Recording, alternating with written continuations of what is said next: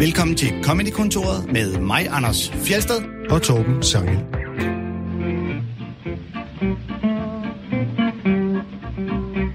Vi er som alle andre plaget af lockdown her i Comedykontoret, så derfor så står vi uden en gæst i studiet, og det kommer vi nok til at gøre i de kommende uger også. Men øhm, vi regner med øh, jævnligt at have nogle korte interview med komikere, som er igennem på telefonen. Og ellers så har vi bare tænkt os at bitche super meget over det, for jeg synes, det er her irriterende. Øh, der tror jeg, vi skal tage ja-hatten på. øhm, Så tager vi øh, hat på og bitcher over, hvor irriterende det her corona er. Vi Samtidig så vil vi øh, lave nogle lidt andre udsendelser, end vi plejer. Og i dag, der skal det handle om tre komikere, som vi næsten ikke har spillet, selvom de er meget store stjerner og sælger virkelig mange billetter og tjener rigtig mange penge. Og vi er først blevet spurgt om, hvorfor vi ikke spiller dem, og svaret er, at vi ikke er så vilde med dem, som det store publikum åbenbart er. Øh, men i dag så giver vi plads til dem, øh, og øh, øh, de, de to, som vi øh, måske tager, måske tager vi også en tredje, det er Kevin Hart og Dan Cook, og så måske Pablo Francisco, alt efter hvordan det går med øh, udsendelsen her. Vi prøver, øh, fordi nu kan det jo meget hurtigt blive sådan, at vi bare rækker dem ned, så vi vil prøve at balancere vores kritik med at anerkende, at de også kan noget, fordi det er jo ikke fordi, de er decideret dårlige. Vi synes bare heller ikke, at de er lige så fantastiske, som den her popularitet lægger op til. Te- temaet er grundlæggende, at det er komikere, vi synes, der er overvurderet. Simpelthen. Ikke? Ja. Overvurderet af masserne, kan man sige. Ikke? Ja. Øhm, men en af dem vil også undervejs få en advokat udefra, i form af en kendt dansk komiker, der siger os imod.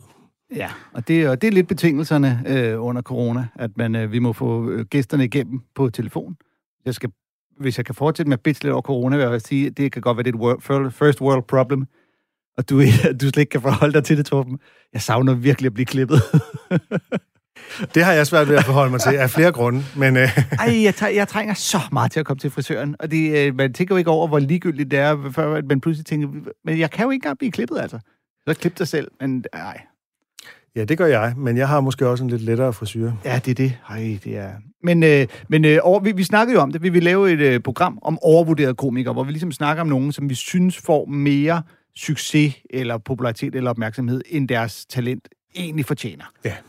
Øh, og det, jeg synes, det var en super god idé, da vi fik den, og så arbejde med den. Du har også fundet ud af, at det her kan hurtigt blive et program, hvor vi skal sidde og snakke om nogen, vi synes, der er dårlige. Men derfor så tror jeg, at det er vigtigt, at vi, vi prøver ligesom at sige nuanceret, og også anerkender dem for, for det, de så faktisk kan, og de øh, elementer, der så også er sjove undervejs og sådan noget. Ikke? Jo, jo, jo. Øhm, og, og, og så i øvrigt opfordrer lytterne til selvfølgelig at danse deres egen mening og gå ud og høre showene, hvor man nu kan høre dem ude på det der internet. Ikke? Man må selvfølgelig gerne være uenig med os, hvis man øh, godt kan lide at tage fejl. Øhm, men, altså, men det er, det er jo grundlæggende er det jo en tavlig disciplin, fordi man, man skal også lige huske, at overvurderet betyder ikke nødvendigvis dårligt. Altså, vi kommer jo nok til at spille nogle eksempler og Præcis. snakke om, at vi ikke synes, det er godt. Men det kan også bare betyde, at vedkommende er sjov, men ikke så sjov, at man nødvendigvis burde være den sjoveste i verden. Ja. Hvilket ens billetsalg eller indkomst måske kunne øh, retfærdiggøre. Og så skal man også huske på, at det her er øh, Comedykontoret nummer 61, vi laver. I de 60 andre, vi har lavet, der har vi som regel talt komikerne op. Vi har ligesom spillet nogle klip, hvor vi har fremhævet det bedste og det sjoveste, og indimellem sådan lige en halvkritisk bemærkning og sådan noget. Mm. Men vi, vi går aldrig sådan hardcore kritisk til det, fordi udgangspunktet for det her program, det er jo begejstringen for stand-up, ikke? Og derfor så er det her øh, noget lidt andet. Men der skal man bare huske på, normalt så taler vi det jo virkelig op, og vi spiller klip med nogen, som vi synes er fede, og vi prøver at finde de sjoveste klip, eller de mest relevante klip til vores tema og sådan noget. Ja, ja, og normalt er det, vil vi jo måske ikke sidde og sige, at Kevin Hart eller Dan Cook var dårlige, men, men de, står, de er helt op på en pedestal af at være altså så gode. Ikke? De, de fylder arenaer, at de er nogle af de rigeste, der overhovedet er. Og der kan man ikke, når man dyrker comedy så meget, som vi gør, lade være at tænke, fortjener de at være, altså at være helt deroppe? Det, og det synes, jeg, det synes jeg faktisk ikke, de gør. Nej. Hvis jeg skal være helt rigtig. Det, det er simpelthen lykkedes os at finde to, vi var helt enige om, at øh, de var Ja. overvurderet. Man kan jo også spørge sig, om mm, nogen fortjener at være øh, helt deroppe. Men det, det er en anden diskussion. Nå, jamen altså, det er bare, nogle gange så kan det, kan tage fuldstændig overhånd, hvor man tænker, okay, slap af. Øh, det er et only stand-up, ikke? Nå, jo, jo, selvfølgelig, men man kan sige, om øh, skal han være den mest populære, så kan man altid diskutere, om der er den anden, der er bedre eller videre. Men altså, jeg vil jo kunne sætte rigtig, rigtig mange, som jeg vil mene var bedre og sjovere, også helt objektivt vurderet, øh, end, øh, end de to her. Men det er jo det, der også er så svært, øh, fordi det er, det er jo sub, mega subjektivt, øh, om en øh, komiker er overvurderet eller, eller ej. Øh, vi kan sagtens sidde og analysere på, hvor dygtigt de bruger deres øh, komiske virkemidler, eller øh, Øh, du ved. Men der, så er der de der ting som udstråling og energi og publikumskontakt og generelt likability. Det, det er svært at vurdere. Det er meget øh, subjektivt, og derfor så er det jo også bare, det er nogen, som vi to er enige om, men som andre jo ikke er enige om. Så vi regner ikke med, at det, vi siger, er objektivt. Men øh, vi, vi øh, prøver at... Øh, lad os kaste os over Kevin Hart som den første, simpelthen. Lad os prøve det. Ha, mange vil kende ham, øh, både fra hans stand-up og også som skuespiller. Han har været med i sådan nogle romantiske komedier som Think Like a Man og About Last Night, og så har han været med i øh, sådan en dobbelt krimikomedie, der hedder Ride Along, og en masse andre ting. Men det skal jo handle om hans stand-up. Han har lavet ja, 6-7 one-man-shows, og de har været gigantiske succeser, som han har tjent mange millioner dollars på, og vundet priser og alt muligt andet. Og jeg må bare indrømme, jeg har simpelthen aldrig rigtig set lyset. Og noget af det handler måske om det, som du var inde på før, nemlig likability. Jeg, jeg kan ikke rigtig lide ham. Og det, det er jeg nødt til at indrømme. Det betyder ikke nødvendigvis, at jeg skal holde enormt meget af en komiker, for at synes, han er sjov. Det betyder heller ikke, at jeg skal være enig med ham. Jeg er for eksempel tit uenig med Doc Stanhope og sådan noget, ikke? men ham kan jeg godt lide alligevel. Der er bare et eller andet i, altså, hans præmisser er irriterende, hans måde hans levering. Der er alt muligt, som vi, øh, som vi kan, kan komme ind på. der, der er meget galt med Altså, øh, han, øh, han er, og han er jo også lidt sådan en, øh, hvad skal man sige, der, der er lidt om det der, når du når den der position, hvis du så opfører dig som en, der er, du ved, på hans niveau, ikke? Hey, jeg er den rige, så, sådan så får man også sådan et, øh, så kommer der sådan et jande ind over det også, ikke? Men det er jo, mm, det er jo tvækket svært, fordi det er også irriterende med dem, der lader som om, de ikke er rige. Jamen, det er rigtigt. Øh... Nå, men nu, nu hørte vi, hvad det, par, par, par programmer siden, der hørte vi Ellen DeGeneres forholde sig til det på en ret morsom måde, synes jeg. Det er rigtigt, og det, og det prøver han måske også. Det synes jeg bare ikke helt lykkes. Altså, det bliver sådan lidt... Øh, ja, lad os høre øh, klippene, og, og så øh, tale om dem, fordi så bliver det lidt nemmere. Men, øh, men øh, det første, mm. nu, jeg har et nyt og et gammelt klip med mm. øh, i første omgang, og så tror jeg, du har et tredje klip med, som øh, jeg ikke har hørt. Men det kommer vi tilbage til. Ja. Det første klip, det er fra hans gennembrudsshow, der hedder Seriously Funny fra 2010, hvor han øh, taler en del om sit familieliv, og vi skal høre ham tale om sin søn, hvor det jo altså fremgår, at øh, Kevin Harts største bekymring, det er, at hans søn skulle være bøse. Øh, jeg skal lige sige, at grinding her, det betyder at gnide sit underliv op af nogen. I got a lot of fears, man. I got a lot of fears as a parent. I'm tell you guys one of my biggest fears. One of my biggest fears is my son growing up and being gay. That's a fear. Keep in mind, I'm not homophobic. I have nothing against gay people. Be happy. Do what you want to do. But me being a heterosexual male, if I can prevent my son from being gay, I will. Now, with that being said, I don't know if I handled my son's first gay moment correctly. Like, every kid has a gay moment, okay? Every kid. But when it happens, you gotta nip it in the bud. You gotta stop it right there. Hey, stop! That's gay. It's quick. No. I don't know.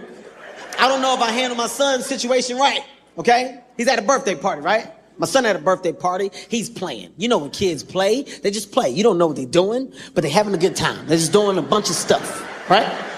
They're moving around. I said, okay, he's good. I finished talking. I turned back around to check on my son again. A little boy was grinding on my son's ass. he was like this. I, I, didn't know what to do. I panicked. I knocked them both down. hey, what's going on here? What kind of party is this? Huh? What kind of party is this? What's going on here? This lady came out. She's like, "What are you doing? They kids. Let them play." I said, "Well, you show me another kid getting fucked in the ass, and I'll calm down." My son had on corduroys. That's why I had an attitude. Because I didn't see it. I heard it. All I heard was. I said, "What the? Who the hell is playing cards? What is that? Is somebody shuffling cards? They're too young for spades here." the thing that pissed me off Here's what pissed me off, man. I was eating a buffalo wing when it happened. I should have dropped the wing and ran over there, but I licked my fingers first. I, I didn't mean it. I said, hey, boy. the black in me came out. Øh, under klippet, så siger vores producer i min øresnegl, det er sjovere at se vores reaktioner, end at høre klippet. Hvilket må betyde, at han, øh, han også har det lidt stramt med det her. Øh, men lad os prøve at tage den. Altså, hvad, du, det, og det var fra 2010, ikke? Jo. Ja, og fordi at, man, inden, altså, man kan hurtigt kaste ud i en, øh, at det, det er dårligt og nederen, at han laver jokes om homoseksuelle. Men øh, især fordi det, hvor vi er nu, han vil jo nok ikke gøre det i dag. Øh, jeg ved sgu ikke, om, hvor man var i Men 2010. Det, det kommer jeg tilbage til, Okay, nå ja. øh, fordi der er en længere historie, Det fordi det har haft konsekvenser, øh, især skal- nogle ting på Twitter og sådan noget. Også kan være ting. Er det det, vi skal se igennem? Ja, men det venter vi lidt med, for nu tager vi lige fat i det her. Nu lader jeg dig snakke, Tom. Ja, tak. det er bare det, jeg vil sige. Nej. Øh, nej, men altså, jeg ved jo godt, der er jo mange fædre, som har sådan en, en frygt for, at deres søn skal vokse op og blive bøsse, men ligefrem er det en af de største bekymringer, og at han ikke er mere selvkritisk omkring det, det undrer mig. Det her var faktisk, øh, det, noget, det, var faktisk det første, jeg hørte med Kevin Hart, øh, og det har været ja, 2012 eller sådan noget. Ja. Og jeg husker, hvor jeg tænkte, åh, det er nederen det her. Altså, det er på en eller anden måde en, en nederen præmis, synes jeg.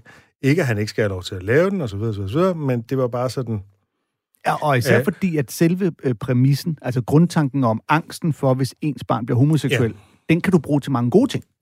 Han, han, Den han, kan, man, den kan du virkelig lave nogle fantastiske selvironiske ting omkring. Hvad er det mon i mig, der gør, at jeg har det sådan der? Præcis. Og der er Fordi- andre komikere, der har lavet glimrende jokes om lige præcis den Ja. øh, frygt og tanke. Det er jo helt fint at tage sig selv i at have sådan en tanke. Det er noget, som, som mange fædre angiveligt har, og så videre. Og, og, og det er i langt højere grad, at ens søn skal blive bøsse, end at øh, ens øh, datter skal blive lesbisk, fordi hun begynder at spille fodbold, eller er korthåret, eller et eller andet. Ikke? Ja. Det er det der med, at øh, der er sådan en eller anden, og det, er- det er meget tit fædrene, øh, der har det der, og det handler måske om noget inde i dem selv. Altså det er sådan den lynhurtige psykoanalyse af den ting, ikke? at hvis du virkelig har det sådan der, så er det nok, fordi du har undertrykt en eller anden homoseksualitet inde i dig selv, og derfor så er du decideret bange for, at noget sådan skulle ske. Jamen, eller du er vokset op i macho-idealer, som, som slet ikke kan rumme altså den mindste, det mindste dukkehus eller sådan noget. Ikke? Ja, og præcis. Og for, han siger jo endda selv, jeg er jo ikke homofobisk. Og sådan, ja, du lyder faktisk... Du Men det er jo en klassiker. Hvis nogen begynder med, jeg er ikke homo- Jeg er ikke homofobisk, racist, men- men... Ja, ja. Ja, nå, men også fordi, at hvis, hans, øh, hvis netop hans, min største frygt var, at min søn skulle blive homoseksuel, hvis han gik videre ud af en tangent, der hed, fordi det ved jeg, hvor hårdt det vil være, hvor besværligt han vil få det, og bla bla bla, så ville der være mulighed for at gå altså, ja. the high road. Men, øh, det gør han ikke. Det han gør, synes bare, det er irriterende, og derfor Ja. så... så øh, altså, han karikerer sig selv. Det skal vi lige give ham. Ja. Han karikerer sig selv i den her. ja, ja. Øh, trods og, alt, ikke? Og vi sidder også på verdens højeste hest lige nu. Ja, ja. Nå, men Altså. Det, så det er, ikke, det, er ikke, det er ikke, fordi vi skal ikke oute ham. Det, Nej. det er ikke, at vi lader ikke cancel culture herinde. Men altså, så, så taler han om, at hans børneopdragelse består i at sige, hey, stop, that's gay, og sådan noget. Ikke? Mm. Øhm, og øh, f- så er der det her med, at han ser sin lille søn lege med den her anden dreng. Øh, og hvor han så siger, at han simpelthen slår dem begge to. Hvor det også bare er, det er så voldsomt, at, ja. Ja. at, at, det, at det er sjovt, eller er det sådan, det er sådan et... Jeg skiller dem ud for at gøre noget, der virker gay, selvom de er i en alder, hvor det jo overhovedet ikke er inde i deres tanker, eller på nogen måde. Altså, Nej, det, det er jo sådan den pædagogiske side ja, Ja, ja. ja. af det. Det er, at man ved, at børn de leger med alt muligt, som øh, hen i børnehaven, og som man ikke nødvendigvis øh, altid får at vide som forældre, måske heller ikke skal have at vide, fordi det set med voksenøjne kan virke som noget helt andet, end det, der rent faktisk foregår. Det spiller også ind i hele den her aktuelle diskussion om, øh, ham bliver John Dillermand i fjernsynet, men øh, lad os Ja, ikke tage den nu. nej, nej. Men, men der, er, der er sådan et eller andet på færre der, ikke? At der er en uskyld over børns måde at udforske deres krop og, og berøringer og sådan nogle ting på, som ikke har noget med sex at gøre. Ja. Øh, men det er selvfølgelig sådan, han tolker ind i det, og det er også fair. Han, han redder den jo, eller redder den, det ved jeg ikke, men han, det er lidt sjovt. Det sjoveste, synes jeg, det Ja, det der... Folk vrider sig i grin. Det bliver vi simpelthen Ja, nødt til at folk forholde vrider sig i grin. Det er skrækkeligt. Mange synes, det er sjovt. Godt. Øh, for mig, der øh, er det lidt sjovt, der hvor han så han står med sådan en, en chicken wing i hånden, og hvor han så sutter fingre, inden han går hen og slår de der børn, eller hvad det er, han gør. Ikke? Ja. Øh, der er sådan et eller andet absurd i det, og måske ligger der også et eller andet i, at den gestus øh, er lidt gay. Jeg ved ikke, om det er det, han spiller på. Og det er det, der irriterer mig, fordi det, han, han, han konstaterer det, men han bruger den ikke rigtigt til noget. Altså, han kommer jo ikke noget... Nu ved jeg ikke, om vi cutter af, inden han så kommer med den store forkromede joke på at sutte sine fingre, inden man øh, skiller sine børn ud eller slår dem. Men, men det eneste, han siger til den, er et eller andet med my blackness. Altså, fordi det er jo en, en typisk ja. karikeret øh, sort ting, at de spiser chicken wings, og, øh, og du ved, clean that chicken bone, sutter det helt rent, ikke? Men det er ikke som, at han bruger det til noget. Det er ikke sådan, han selv siger, der kiggede min søn op på mig og sagde, hey far, hvor er det gay, den måde, du sutter det. Altså, han, han bruger det ikke til en joke overhovedet. Og det er det, jeg synes uh, lidt går igen, når jeg kigger på Kevin Hart, at indimellem er der nogle gode præmisser, som bare ikke bliver brugt til, til noget, som jeg synes er en elegant, eller sjov, eller overraskende vej. Præcis. Hvor han bare sådan ligesom, Nå, jamen, så slår jeg dem, jamen, så, så et eller andet. Ja. Jeg ved ikke. Øhm, ja, altså, jeg, jeg er selv bimlende heteroseksuel, men jeg forstår ikke rigtig den der frygt for, for gayness der, men det er sådan... Øh, Men øh, det skal så siges, at, og nu kan jeg ikke huske, hvornår det ligesom stoppet. Men der har jo været en tidspunkt, hvor comedybranchen, også i Danmark, hvor man lavede bøssejokes. Altså, hvor bøssejokes var en ting, fordi det var sjovt, det er fremmed, det er lidt sært, det er de fleste er sådan lidt hvide, og jeg har ikke lyst til Og at prøve hvornår det. er den periode, Anders? Ja, og det er jo det, jeg ikke... Altså, jeg kan sgu ikke huske, om det var stoppet helt i 2010, hvornår det her show ender fra. Men jeg ved det, jeg selv har lavet jokes om, at badminton ja. er det samme som bøssetennis, og det synes alle var mega sjovt, dengang jeg sagde det. Morten Frost så femse ud, fordi han øh, spillede med det. Og, og det var sjovt Og har dengang. du, så, har, du så ligesom, har du taget sådan en refleksion, hvor du så har gjort op med det, eller har du bare sådan lidt fulgt med tiden, uden egentlig at Ja, ja, over det? jamen, jeg har da klart taget en uh, refleksion, uh, der netop handler om, at, at det er jo selvfølgelig ikke sjovt, og, og det går ud over nogle mennesker, der på ingen måde har fortjent det, og i øvrigt har det svært nok i forvejen. Øhm, og, så, og så udvikler branchen sig jo også, skal man huske. Folk kommer og siger, øh, nu er jeg blevet politisk korrekt, nu tør jeg ikke sige det og det, det. Vi siger ikke de ting, som folk ikke griner af. Så hvis man begynder at stå og lave bøssejokes på scenen nu, og folk så ikke griner, så lader vi jo være. Primært af den grund. Altså, Så det, så den er, at primære grund. publikum har i høj grad magten over den udvikling, der er i stand-up. jeg ved ikke, om det er i høj grad, men de har jo selvfølgelig magten. For det er jo det, det hele handler om, at vi skal stille os op og sige ting, som folk skal grine af. Og hvis folk holder op med at grine af øh, specielle emner eller lignende, så er man, altså, så er man meget kompromilløs komiker, hvis man insisterer på at lave det alligevel. Og det peger ind i den her skandale, som vi lige øh, sådan øh, foregreb før. Ikke? Øh, altså, så nu tager jeg lige sådan historien fra en ende af. Øh, for et par år siden, der blev Kevin Hart outet på grund af nogle homofobiske tweets, øh, som han postede i den periode, som det her show er fra, altså 2009 til 12 eller sådan noget. Ikke? Øh, blandt andet så shamede han nogle profilbilleder for at være gay, og skrev om en, at det var en reklame for AIDS. Det er måske ikke det mest smagfulde at gøre på Twitter. Det er mærkeligt noget at reklamere for. Og i, i tråd med den her bid, vi lige har hørt, så skrev han, at hvis han så sin søn lege med et dukkehus, så ville han smadre det og sådan noget. Ikke? Mm. Og det, måske mm. er det tænkt som en joke. Det er bare sådan lidt... Jamen, sådan er der nogen, der har det. Øh, det, det er sådan... Jeg ved ikke, jeg, det... Nå, det var ikke men, nogen... men er det som joke er det jo kun sjovt, hvis folk fanger reference, referencen i stil med, ja mand, drengen skal kraftedeme ikke lege med dukkehus. Altså, Ja, så, så, er det, så er det jo kun en joke, hvis du er enig med ham i den betragtning. Og det er ja. der ikke så mange, der er længere. eller hvis den er en ironisering over homofobi, men det virker ikke som om, Nej. han, han egentlig øh, var så ironisk omkring det. Men det er jo mange år siden, og det var ikke nogen skandale dengang, så kendt var han heller ikke endnu. Mm. Men da han så skulle være vært for Oscarshowet i 2019, Åh, oh, ja. så var det, der blev ballade. Så gik der Jes den. Fordi folk begyndte at retweete hans gamle tweets, ironisere over, at man skulle øh, have sådan en homofob som Oscar-vært. Og det fik så det amerikanske filmakademi, der jo arrangerer Oscar-showet, til at stille ham et ultimatum. De sagde, enten så skulle han undskylde, eller også så skulle han trække sig. Og det, som han så valgte at gøre, det var faktisk begge dele. Mm. Han trak sig, og så undskyldte han på Twitter i flere omgange, og også i forskellige øh, talkshows og sådan noget. Hvilket så jo er en utro, meget fornuftig måde at håndtere det på. Ja, fordi ligesom at tænke, okay, hvis det her skal overskygge min værtsrolle, så har jeg ikke lyst til at være Ja. vært. Ja, Øhm, præcis. Men jeg, har, jeg er faktisk et andet sted nu, øh, og det vil jeg også gerne markere.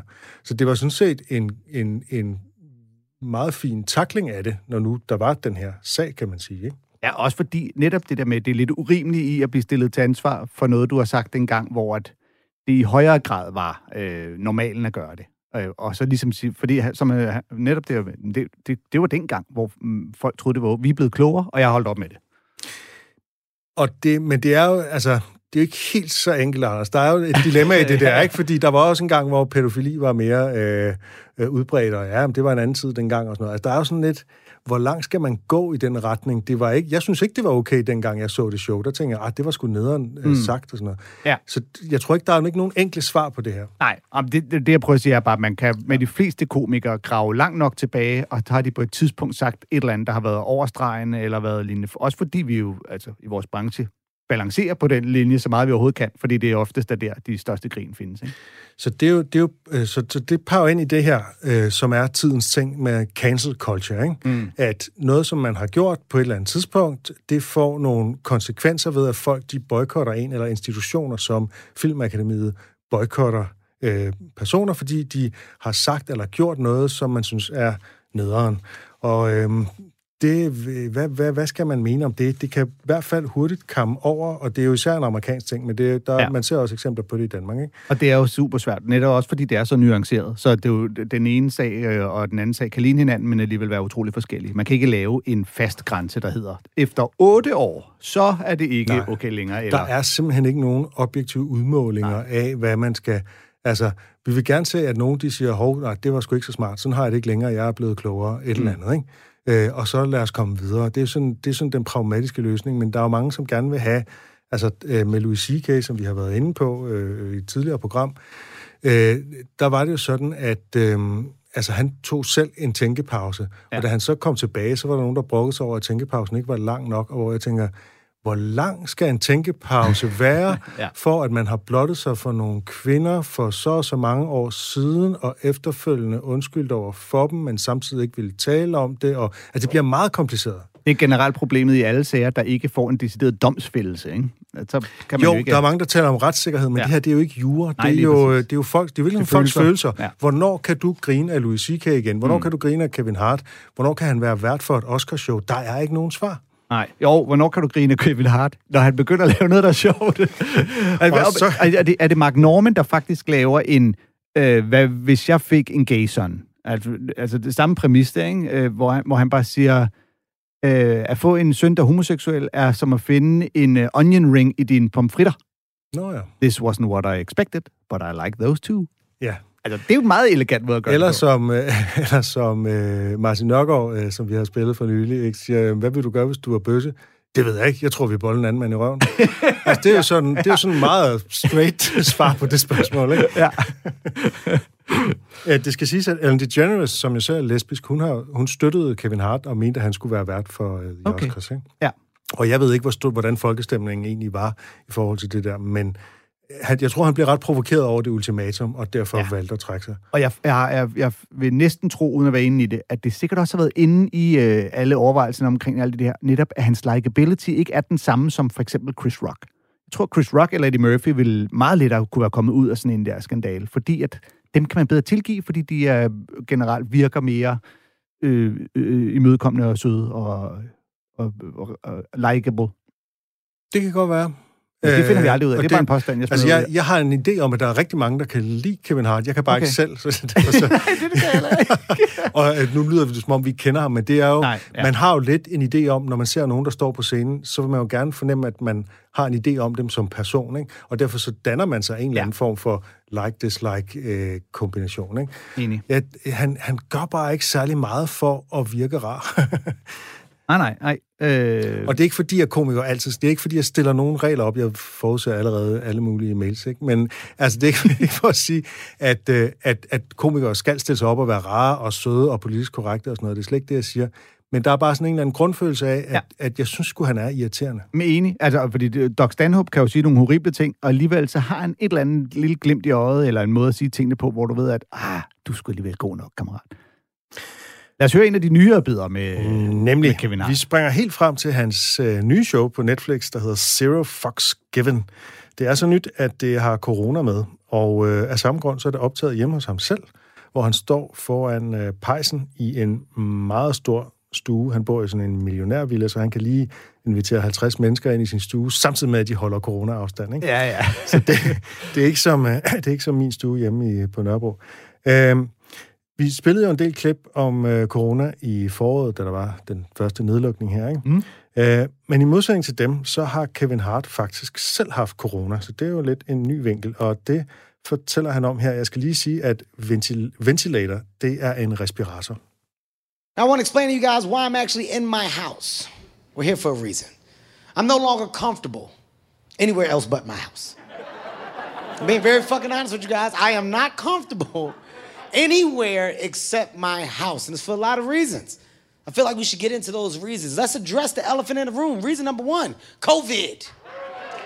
COVID. Where you at right now? Where's your panic level? High? You in the middle? You low? Where you at? You can be honest. Let me know. Middle? High? Low? Kind of high? A little bit? Newsflash. I had it. That's right. I had the vid. The vid 19 was in my system. I had it in the beginning when it wasn't cool, when it wasn't a trend. It was me and Tom Hanks. We was the only two.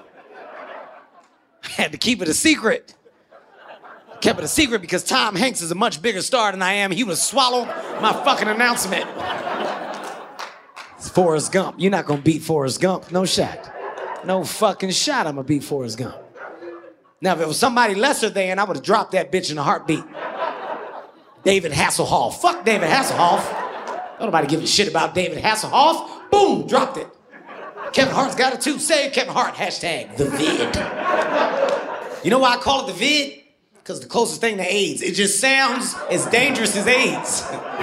The vid. You got the vid? Fuck, man. I got the vid. You got the vid? Shit. Praying for you. You got the fucking vid.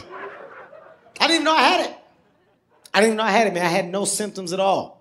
No fever, no headache, no body aches, nothing. Now my wife, my wife lost her sense of taste and her sense of smell. She told me, she said, babe, I think I got it. We should get tested. I said, well, we don't have a problem. You got the fucking problem. Why do I have to get tested?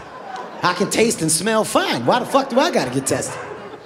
Made me call a doctor to the house. Doctor came over to the house, tested both of us, said, You guys are both positive. I said, Bullshit. Bullshit.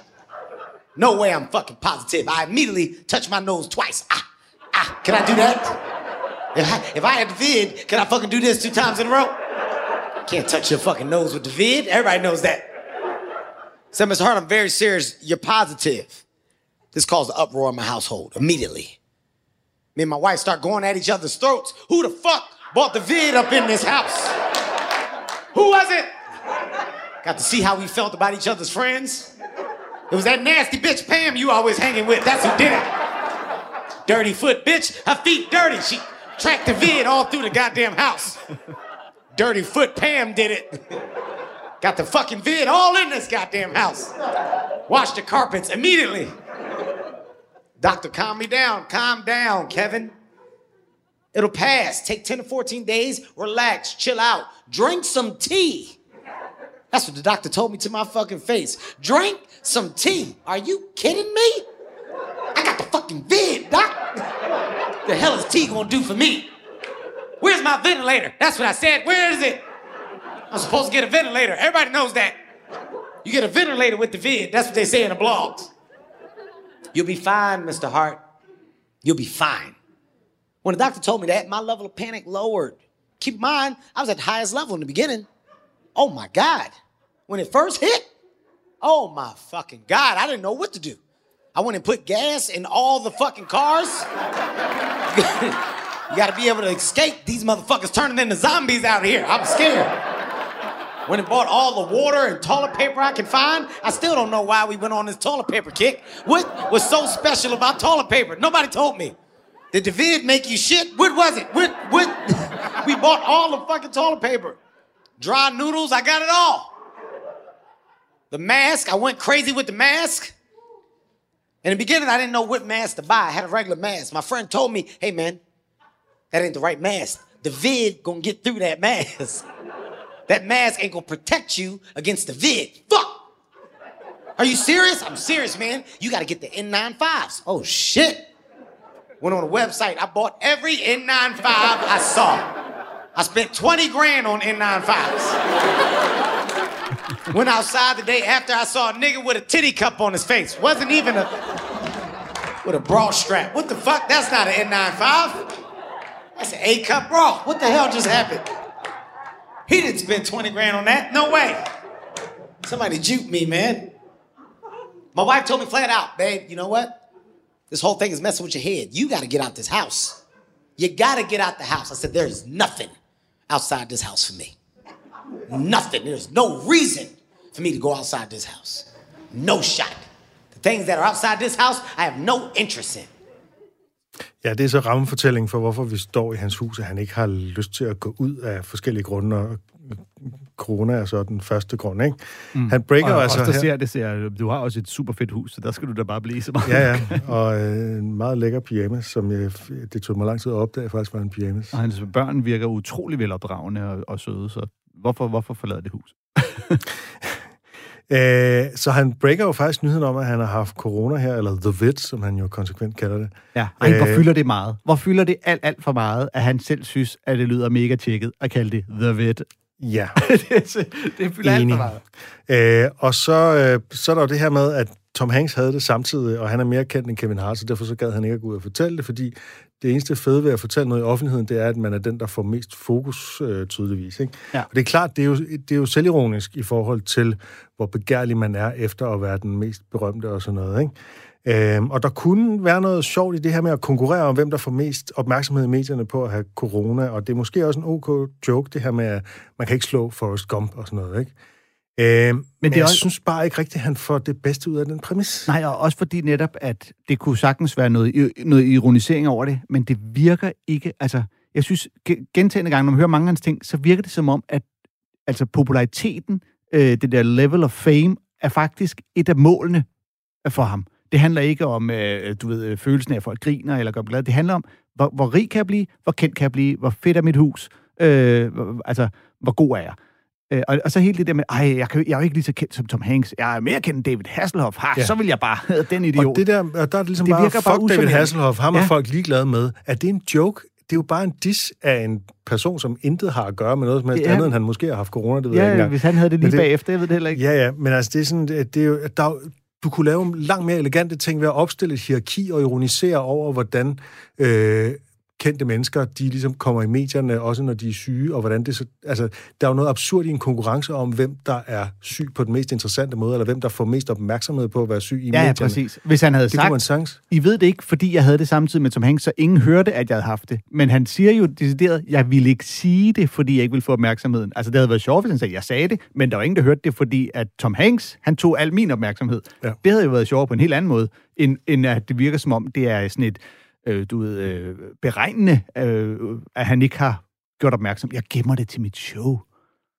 Og når han nu så laver en sammenligning mellem VID og så AIDS, så øh, åbner det for et væld af muligheder af overførsler, som han så ikke griber. Altså ligesom ja. øh, øh, øh, øh, corona er spredt af promiskuøse flagermus i øh, Wuhan-provinsen og Ja, sådan noget. Ikke? Altså man kunne lave så mange øh, i dyrmarkedmiljøet øh, øh, og sådan noget. Ikke? Altså Ja. man kunne lave så mange øh, Man skal paralleller mellem for at undgå og- det, og- ja, ja, ja. Er Det helt enig. andet, ikke?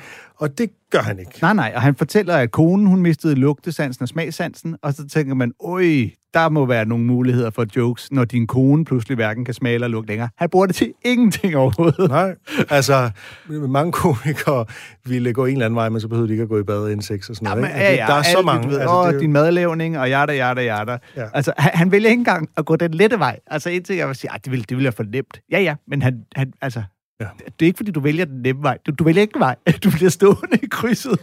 Og så har vi hørt rigtig meget om at hamstre toiletpapir også øh, på nuværende tidspunkt, ikke? og det er måske ikke hans skyld. Men det er jo bare lidt sjovt, det er jo sådan på overklassemåden, ikke? så fyldte jeg benzin på alle mine biler, og det er underforstået, det er sådan nogle rigtig seje sportsvogne, han har. Ikke? Jamen, også fordi han jo netop siger, at han har han købt en masse toiletpapir, uden at vide, hvorfor. Sådan, var du, ikke, Ja. har du ikke en idé om, hvorfor det er en god idé at have meget toiletpapir? så han er jo bare en slave, og jeg skulle gøre ligesom alle andre. Ja, det, det, altså, du, du, du, ret, Og vi ved jo alle sammen, hvorfor vi hamster toiletpapir. Bruge 20.000 på mundbind, ikke? Øh, Det er måske forhåbentlig en overdrivelse, ikke? Øh, Og N95 ja. Mundbind er jo ikke engang de bedste, men det er selvfølgelig nok en del af joken. Men igen, Og så nej, det ved jeg, men igen, der handler det jo netop ikke om hans øh, bekymring eller frygt for at få den forkerte maske. Det handler om hans frygt for at have været blevet snydt og have brugt for mange af sine penge, alle sine penge. Er der nogen, der vil snyde ham for hans penge? Eller på ikke at være hip og have det ja. Fedeste. Ja. Øhm, ja, vi kunne godt snakke længere om det her klip, men jeg tror, vi skal, øh, fordi øh, tiden løber, jeg tror, vi skal øh, Han havde jo kaste en- os over den kuk. Men inden vi gør det, Pointe. Ja. jeg vil bare sige, han havde jo også på et tidspunkt en beef med Mike Epps. Øh, Hvem er det? Jamen, det er en anden øh, sort skuespiller, øh, komiker, der øh, på et tidspunkt for mange år siden udtalte i et radioprogram, at Kevin Hart var overvurderet. Øh, brugte ham som et eksempel på at være overvurderet. Så nu kommer han efter os, er det, du siger? Øh, nej, nej, nej, nej, slet ikke, men det, og det er bare, altså, det var lige så meget for at sige, at øh, vi er ikke de eneste, der finder ham overvurderet. men øh, Mike Epps han sagde i et radioprogram sådan noget med, at marketing var øh, vigtigere end talent, og du ved, du kan være med i en masse dårlige film, og du kan være dårlig i dem, men hvis de tjener penge, så sælger du billetter, så kan du være skide god i nogle gode film, som der måske ikke tjener nogen penge, og så er der ingen, der gider at se dig. Øh, han sagde, this business is not about being funny, it's about being forced on people. Og så gik øh, Kevin Hart jo i kødet på ham igen, hvor at alle Kevin Harts øh, vendte tilbage var, øh, prøv du, om du kan sælge lige så mange billetter som mig. Øh, kom igen, når du fylder arenaer. Øh, du ved, ja, jeg har ikke tid til at svare dig, fordi jeg har så travlt med arbejde, fordi alle... Hvor alle hans øh, ligesom, øh, comebacks var, jamen nu, nu understreger du lidt, at du er overvurderet, når du fortæller, hvor god, altså hvor, hvor stor du er, uden egentlig at være rigtig sjov, jo. Ja, og den er, men den er svær, ikke? Fordi han vil jo, altså man kan jo godt måle, hvor sjov er du i forhold til, hvor stor succes har du med din komik, ikke? Ja. Altså det, det Jo, vil jo. han jo sige, og det er jo det som, altså, hvis en forfatter øh, sælger mange bøger, så siger de, ja, men det er, jeg går, det er læserne, der, øh, det er læsernes vurdering, jeg går efter. Hvis en forfatter ikke sælger så mange bøger, men får rigtig gode anmeldelser, så, så er de glade for kritikerne, og øh, ja, de, de skal nok få Ja. ja. mange læsere om 100 år. Og sådan noget, ikke? Men hvis der Sådan er er det, bare, direkte- det forsvar vil man altid gøre, uanset hvor man står, ikke? Ja, ja. Og hvis der er direkte lighedstegn mellem din popularitet altså, og hvor god du er, så er hele snak om at være overvurderet jo fuldstændig overflødig, fordi så, du ikke, så bliver alle jo vurderet præcis der, hvor Altså, de det, skal det, det, det, det smarte, sådan, hvis man skulle være hans kommunikationsrådgiver, så det smarte i forhold til det der, det er jo bare at ignorere det. Præcis. Så grine hele vejen til det. til banken i sin sportsvogn, Ja, ja. og så øh, være fuldstændig ligeglad med, hvad en eller anden har sagt et eller andet sted. Ikke? Ja, ja, ja men netop øh, være for stor til at skulle, skulle vende tilbage. Ja. Du lytter til Comedykontoret med Anders Fjeldsted og Torben Sangel. I dag der gennemgår vi nogle komikere, som vi ikke er lige så begejstrede for, som deres gigantiske publikum åbenbart er. Og den næste, Anders, det er Dan Cook. Ja, øh, nu har vi lige øh, snakket øh, længe og meget om, øh, om den gode Kevin Hart, hvor jeg i øvrigt kan sige, at det sjoveste med Kevin Hart, det er, da han fik taget et billede sammen med Shaquille O'Neal og Yao Ming, to NBA-basketballspillere. Det er hilarious grineren. Det lægger vi op på vores Facebook-side, så alle kan se det. Øh, fordi at Så Kevin, husk, Hart, at du har lovet det. Kevin Hart er, er meget lav, og han ser altså helt exceptionelt lille ud i, øh, sammen med de der kæmper. Øhm, Det, derudover, skal siges, det er faktisk en ting, hvor han virkelig har selvevne omkring sin øh, Ja. højde. Derudover har jeg set ham i nogle talkshows, øh, hvor han også har været utrolig sjov, sammen med Ice Cube, og, øh, og, og de har lavet nogle sjove ting i sådan nogle øh, talkshows, videoting. Så igen, pointen er ikke, at han er dårlig, Nej. men bare, at han er så god. øh, men Dan Cook er et andet godt eksempel, som i, især i comedy-kredse øh, snakker man meget om, at Dan Cook han er referencen for en, der er overvurderet. Øh, han, er ikke, han er ikke en komikernes komiker. Øh, og der havner du jo også tit, når du får øh, rigtig meget succes rigtig hurtigt, så vil de andre komikere lynhurtigt gå, øh, "Øh, det har han ikke fortjent, han er bare øh, han er pop, og han er nederen. Øh, han er 48 år gammel, fra Massachusetts, startede i øh, 90'erne, og øh, han, han, han, blev, han var en af de første, der rigtig udnyttede det der øh, øh, internettet. Hjemmesider, og dengang var det vist den der MySpace, du samlede fans på, ikke? Det var tider. og fik øh, lynhurtigt øh, opbygget et, øh, et kæmpe, øh, kæmpe øh, fanbase på den måde. Øh, var vist den første øh, efter Andrew Dice Clay, som øh, fyldte Madison Square Garden, store arena scene, øh, flere gange øh, med shows. Og jeg synes, han er også for mig sådan en, der er, øh, er, er bare levering, ikke noget indhold. Øh, grundlæggende. Jeg havde det sådan, at øh, da jeg begyndte sådan for alvor at nørde øh, og høre amerikansk stand-up øh, for mange år siden, der, der hørte jeg, der, der kunne jeg egentlig okay godt lide hans første shows, og så var det så, da, da han kom til de der store stadionshows, øh, der, der begyndte jeg at få, øh, altså, at blive, få nærmest kvalme af dem. Jeg, jeg, der var et eller andet, hvor jeg bare sådan, nej, det, det kunne jeg ikke lide. Og jeg, jeg kommer tilbage til senere, hvorfor. Men der var sådan, i begyndelsen, da jeg ikke havde hørt så meget stand-up igen, der synes jeg faktisk, at det var sgu meget sjovt. Mm.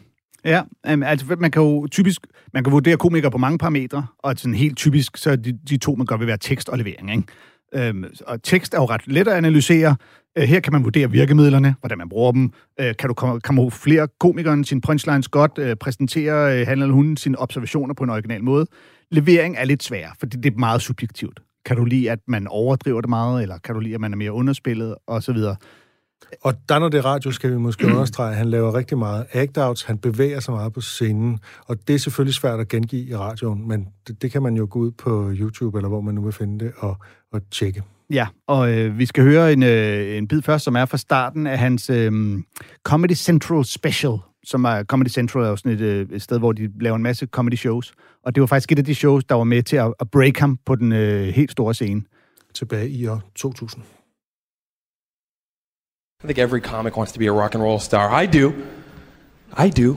That's my dream, but I'm a comic. It's close. Rock and roll show, man. That's the coolest. That's what we want. We come out though. We ask you how you're doing. How are you feeling? Yeah. yeah. You guys feeling great?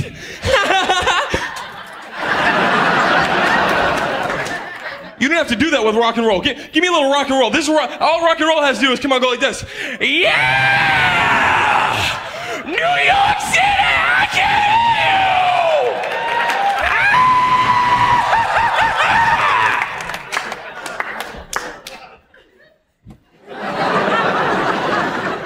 Ah! feel like I'm in a fish tank. Comedy crowds, we always come up, we want to ask you how you feeling. We always say that. By a round of applause, how do you feel? Right? By a round of applause, how you feeling? It's the only place in the world that you judge how you're feeling by a round of applause. You know, there's never any other time where you judge. There's never like a car accident. You know, people, people all over the ground. People running around. Ma'am, ma'am, by a round of applause, how do you feel? By a round of applause, she's not clapping. By a round of applause, clear, clear. She's on the ground like.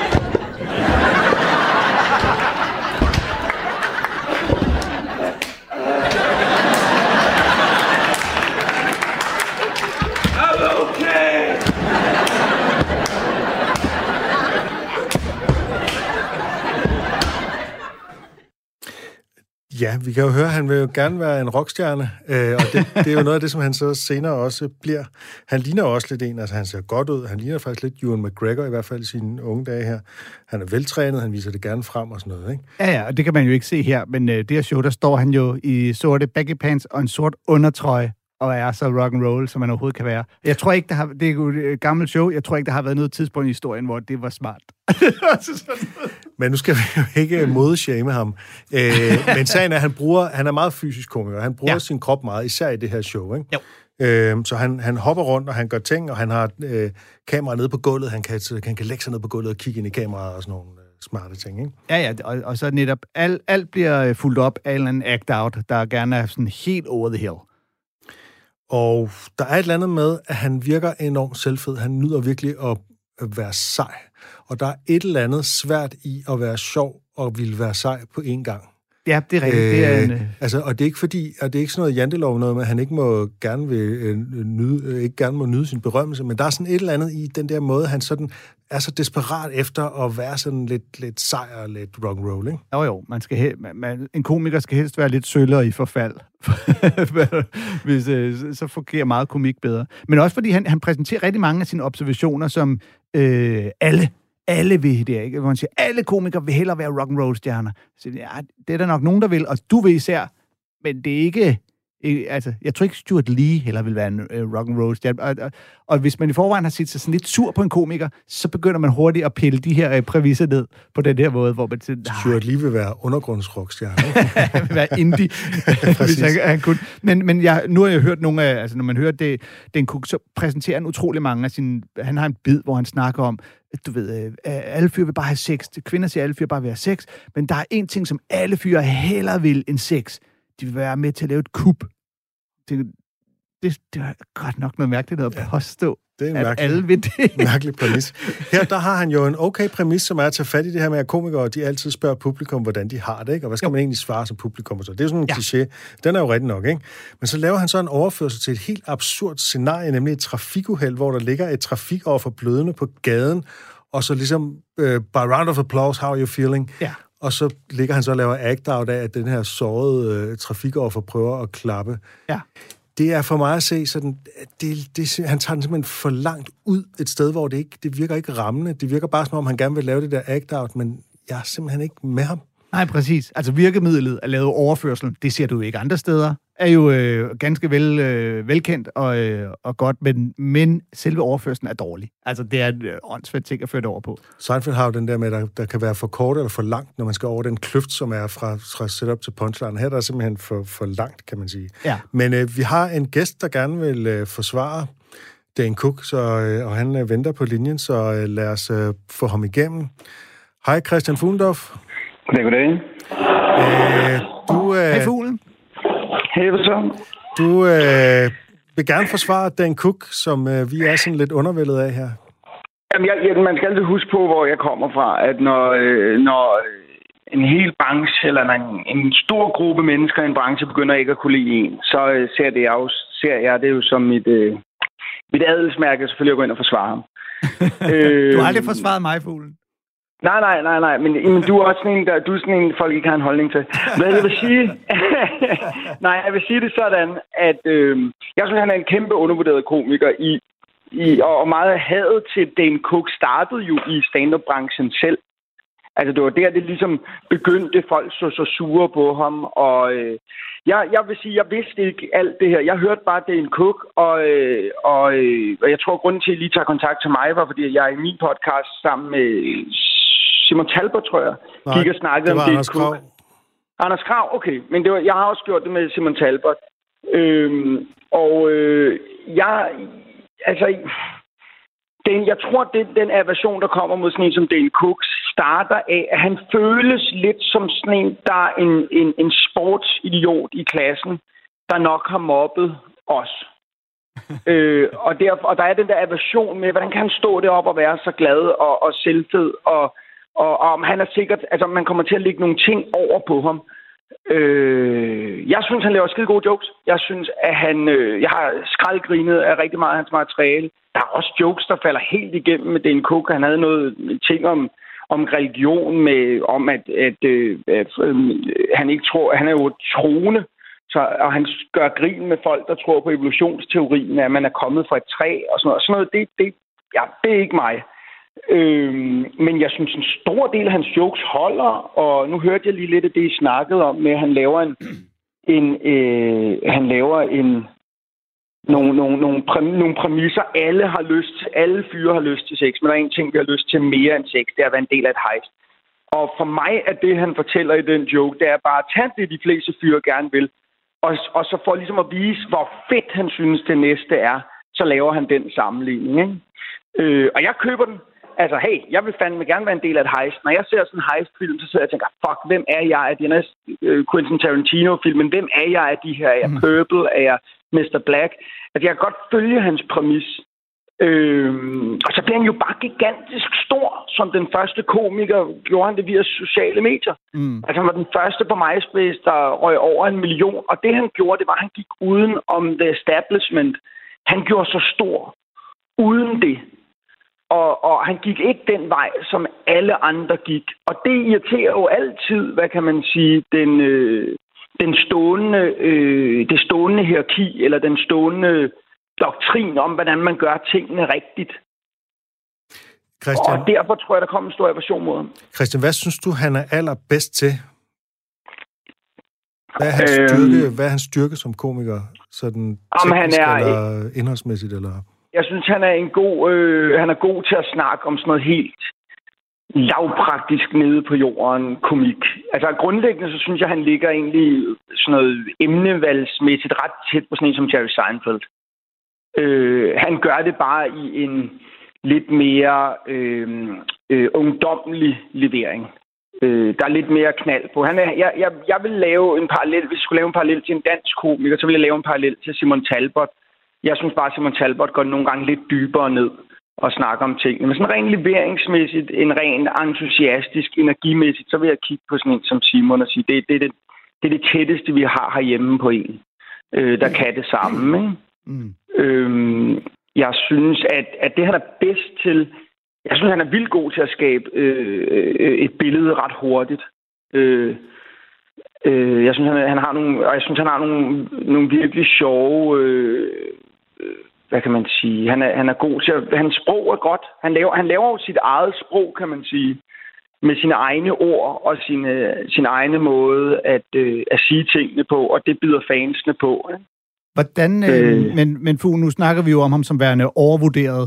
Øhm, Jeg synes, han er kæmpe undervurderet. Synes du Altså, hvis man ser på ham som-. Nå, ja, altså, en ting er den respekt, han får fra branchen af, men hvis man ser på ham som værende en af de allermest populære i hele verden, vil du så også mene, at han er en af de allerbedste komikere i hele verden?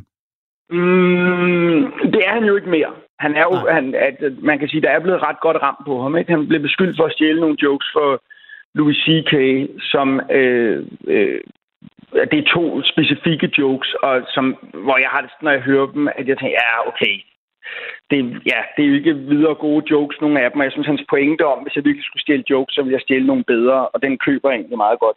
Jeg tror, jeg, jeg tror sgu egentlig ikke på, at han er stjålet. Jeg, jeg tror faktisk, hvis jeg skal tro noget, så tror jeg på Louis C.K.'s tanke om, at, øh, at han bare væltede afsted og, og, og, og øh, uden at have tænkt over, at det har taget dem. Jeg tror ikke, det er en bevidst beslutning.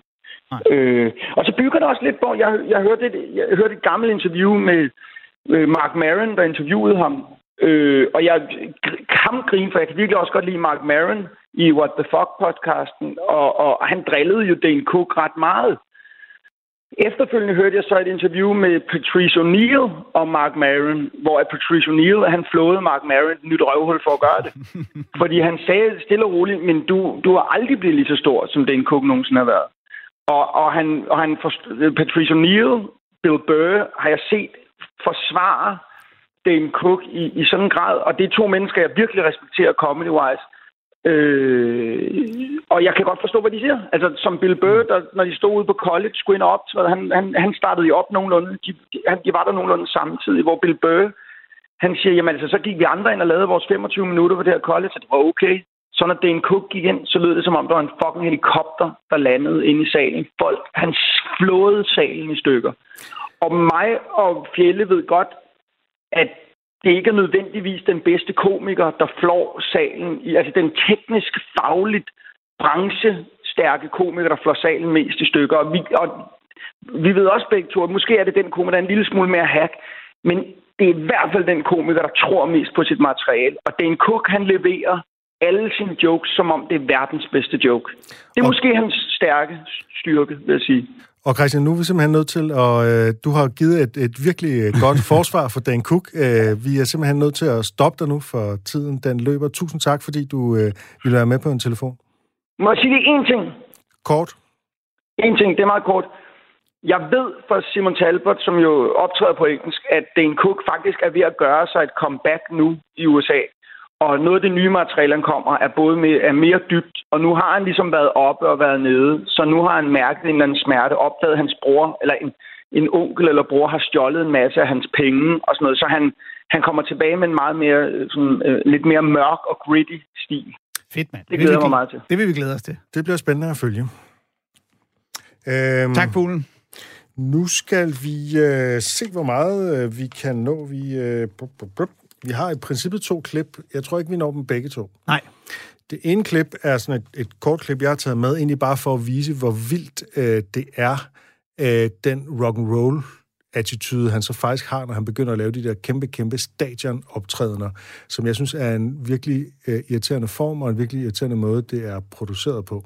Ja, jeg, jeg vil øh, egentlig næsten hellere høre den lille bid Ja, men fra, det er også derfor, øh, jeg så nu siger jeg bare min pointe, ja. men man, det, det er show, der hedder Vicious Circle. Man skal bare gå ind og høre, øh, ja, man kan høre hele showet, hvis man vil, men bare høre introen og høre, hvor øh, ekstremt stort og larmende det der publikum er, og hvor lang tid de ligesom bare hylder ham som en rockstjerne, mens Ja. han øh, hopper Han blev rundt jo og den rockstjerne, han sagde, han gerne ville Præcis. være, og lavede netop. Og, og det sjove er, at han har ikke længere... Så nu står han bare og siger, hey, what's up, og sådan noget, uden den der ironi, som han havde i begyndelsen. Ja, og både Kevin Hart og ham laver de her arena-shows, som grundlæggende skulle forbydes. Stand-up comedy skal ikke ses på en arena. Det føles på en eller anden måde forkert, fordi der mangler ja. det der nærvær. De fleste ser ham bare på en skærm, ikke? Jeg vil gerne øh, spille fra øh, det album, der hedder Retaliation, øh, som jo var et af hans øh, gennembrudsalbums, der, som solgte, jeg ved ikke hvor meget, og, og blev kæmpe populært, hvor han laver en bid om... Øh, jamen, den handler grundlæggende om, at alle har de her lyde, som gør et eller andet ved en. Og det er jo nærmest alt, hvad han får sagt. Lad os prøve at høre den. There are certain sounds in this world that when you hear them, they make you react in different ways. There are certain sounds that when it floats into your eardrum and it goes high into your cerebellum, located near your limbic system. You hear the sound, you react in a certain way. Some sounds soothing, right? You hear like the sound of a babbling brook. Maybe the sound of the dryer with the towels.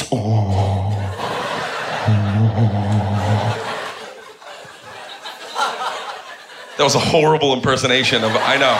I'm not don't bullshit me. That was that was bad. That's the best I can do. I'm laundry in a dryer. it's like haunted laundry in there.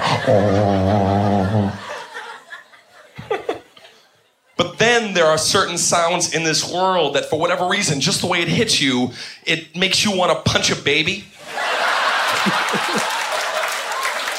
it makes you want to punch a baby.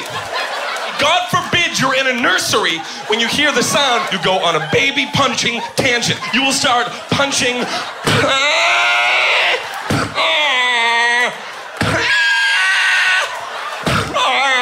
God help me! It's the sound that makes me punch infants!